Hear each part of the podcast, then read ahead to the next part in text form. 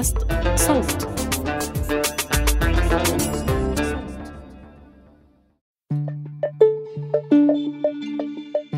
رسائل إلى سميرة. هذه الرسالة الثالثة عشر. ضمن سلسلة رسائل نشرت على موقع الجمهورية. يكتبها ياسين الحاج صالح لزوجته سميرة الخليل. المخطوفة في دوما منذ عام 2013 يحاول فيها أن يشرح لها ما جرى في غيابها. ننشر لكم رسائل مختارة منها بمناسبة مرور أحد عشر عاما على انطلاق الثورة السورية.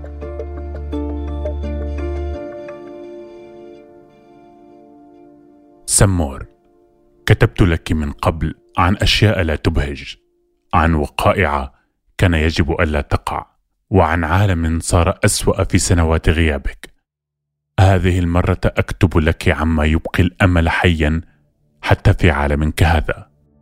الصداقة. الكثير من التضامن والمساندة والشراكة من كثيرات وكثيرين في كل مكان تقريبا.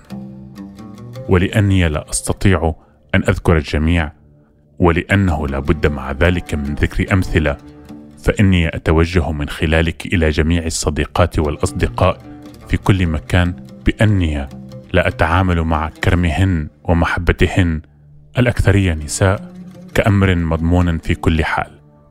وأني إن لم أشكرهن كل مرة فليس لأن الكثير الذي فعلنه استحقاق طبيعي لي كصديق لهن ولهم وكزوج لسميرة الغائبة.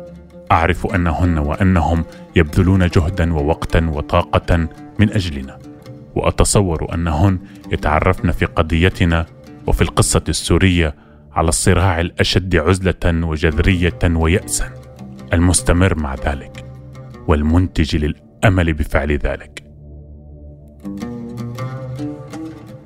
وبصراحة يا سمور أجد صعوبة في كتابة هذه الكلمات أكثر مما حين أكتب بمزاج ناقد أو محلل. ورثت عسرا في التعبير العاطفي. لا تحتاجين أنت من بين كل الناس إلى أن أقول عنه شيئا.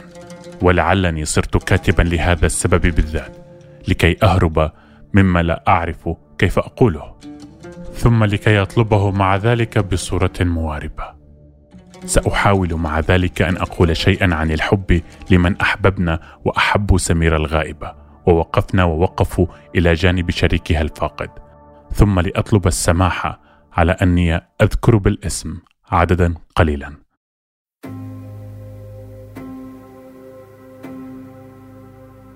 مع نشر كل رسالة لك بادرت نعومي راميريز من مدريد إلى ترجمتها ونشرها. أحيانا بعد ساعات فقط من النشر بالعربية. نعومي كانت كذلك ترجمت كلماتك أنت التي كتبتها في شهور الحصار يوميات الحصار في دوما 2013 قضية سميرة صارت قضية شخصية تقول نعومي وإنها تترجم الرسائل لأنها تحكي حكاية ناشطة مهمة في الثورة وحياتها. ومن نعومي علمت عن رجل من إسبانيا قرأ كتابك برفقة ابنته لاورا وكان يحب لو جاءته ابنة أخرى لسماها سميرة. نعومي حملت القضية السورية منذ البداية. تترجم وتكتب وتتواصل. وهي مستمرة اليوم. ليس رغم تقلبات المسار الفظيعة بل بسببها وفي مواجهتها. ومثل نعومي فعلت سعاد العبيز الشاعرة الفرنسية الجزائرية. التي ترجمت الرسائل إلى الفرنسية. سعاد ترجمت الرسائل لأنك عزيزة عليها ولأن قصتك تعطي فكرة عن قصة سورية. سعاد ترى أننا عائلة واحدة تربطها قضية التحرر وليس الدم أو العقيدة قرابة ثورات. في الجزائر اليوم احتجاجات نشطة ضد تجديد البيعة للمرة الخامسة لبوتفليقة الذي لا يكاد يتكلم أو يقف على قدمه يسمونها في الجزائر العهدة الخامسة سعاد قلبها هناك. أنت لا تعرفين شيئا يا سمور عن سعاد ونعومي وأنا لم أتعرف عليهما إلا بعد غيابك.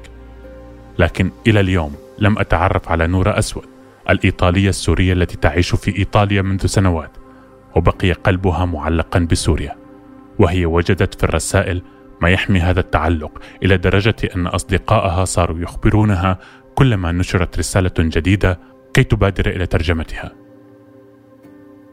قبل نورا ومعها ترجم بعض الرسائل سامي حداد وميلينا أنونزياتا ومارينا باربييرو وجيوفانا دي لوكا وروبرتا باسيني. أعرف سامي منذ سنوات الجامعة قبل السجن لكن لم نلتقي منذ تسعة وثلاثين عاما. جيوفانا ترجمت كتابك إلى الإيطالية. ويحتمل أن ينشر قريبا بمساعدة من فرانشيسكا سكالنجي التي كتبت عنك وعن سوريا قصيدة جميلة قبل شهرين.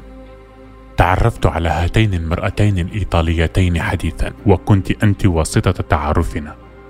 أعتقد أن النساء من صديقاتنا يتماهين بك. ويردن حمل العلم الذي وقع في ساحة المعركة. كما تقول سعاد العبيز لكن إلى الإنجليزية ترجم الرسائل مرهف فارس وهو سوري شاب يجهز رسالة الدكتوراه اليوم في أوسلو. أراد مرهف لعدد أكبر من الناس أن يتعرفوا عليك وعلى قصتنا الاستثنائية التي يجتمع فيها الشخصي بالكثير من العام. قصة هذا المزيج غير المساوم والصعب الذي أراد مرهف بترجمته كذلك التعبير عن التضامن مع الغائبة. قصتنا تعطي الأمل لأصدقائنا الذين يعطوننا الأمل. نحن مجتمع أمل يا سمور.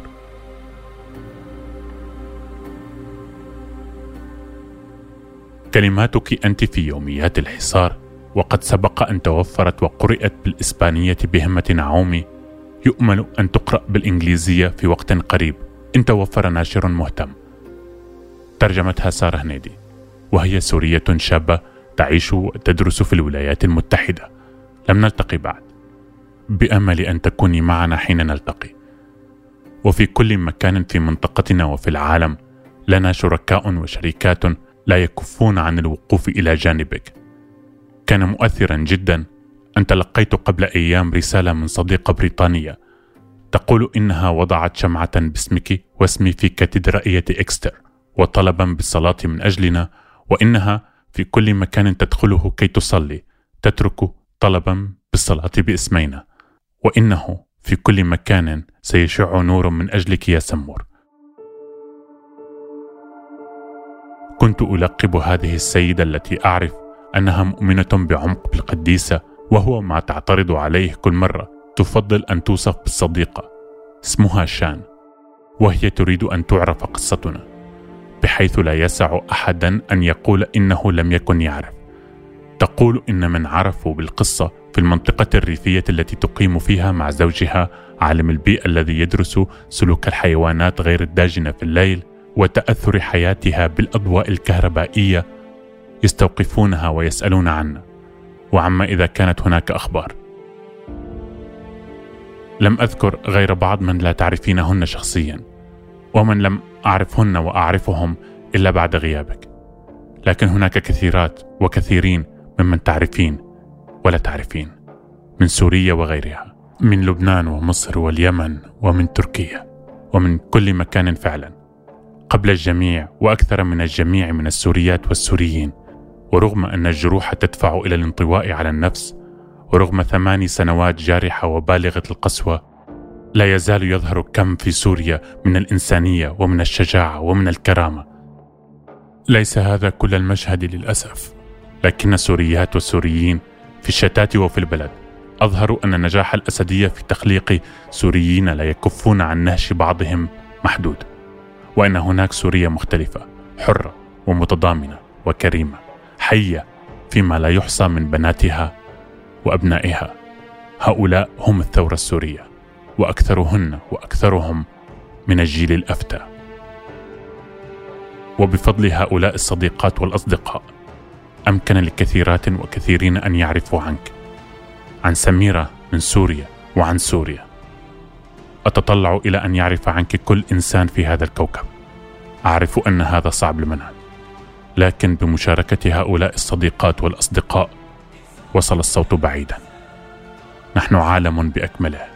يا سمور. لسنا حارة أو عشيرة أو عصبة مغلقة. عالم آمن يحبك ويشتاق إليك.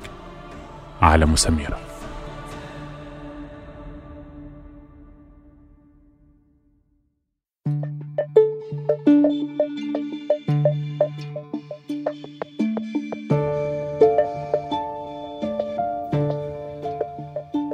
هذا العمل بصوت أحمد قطليش.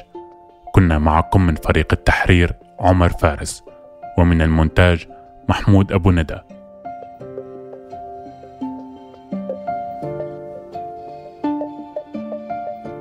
إذا حابين تسمعوا قصص أكثر من الثورة السورية استمعوا للمواسم السابقة.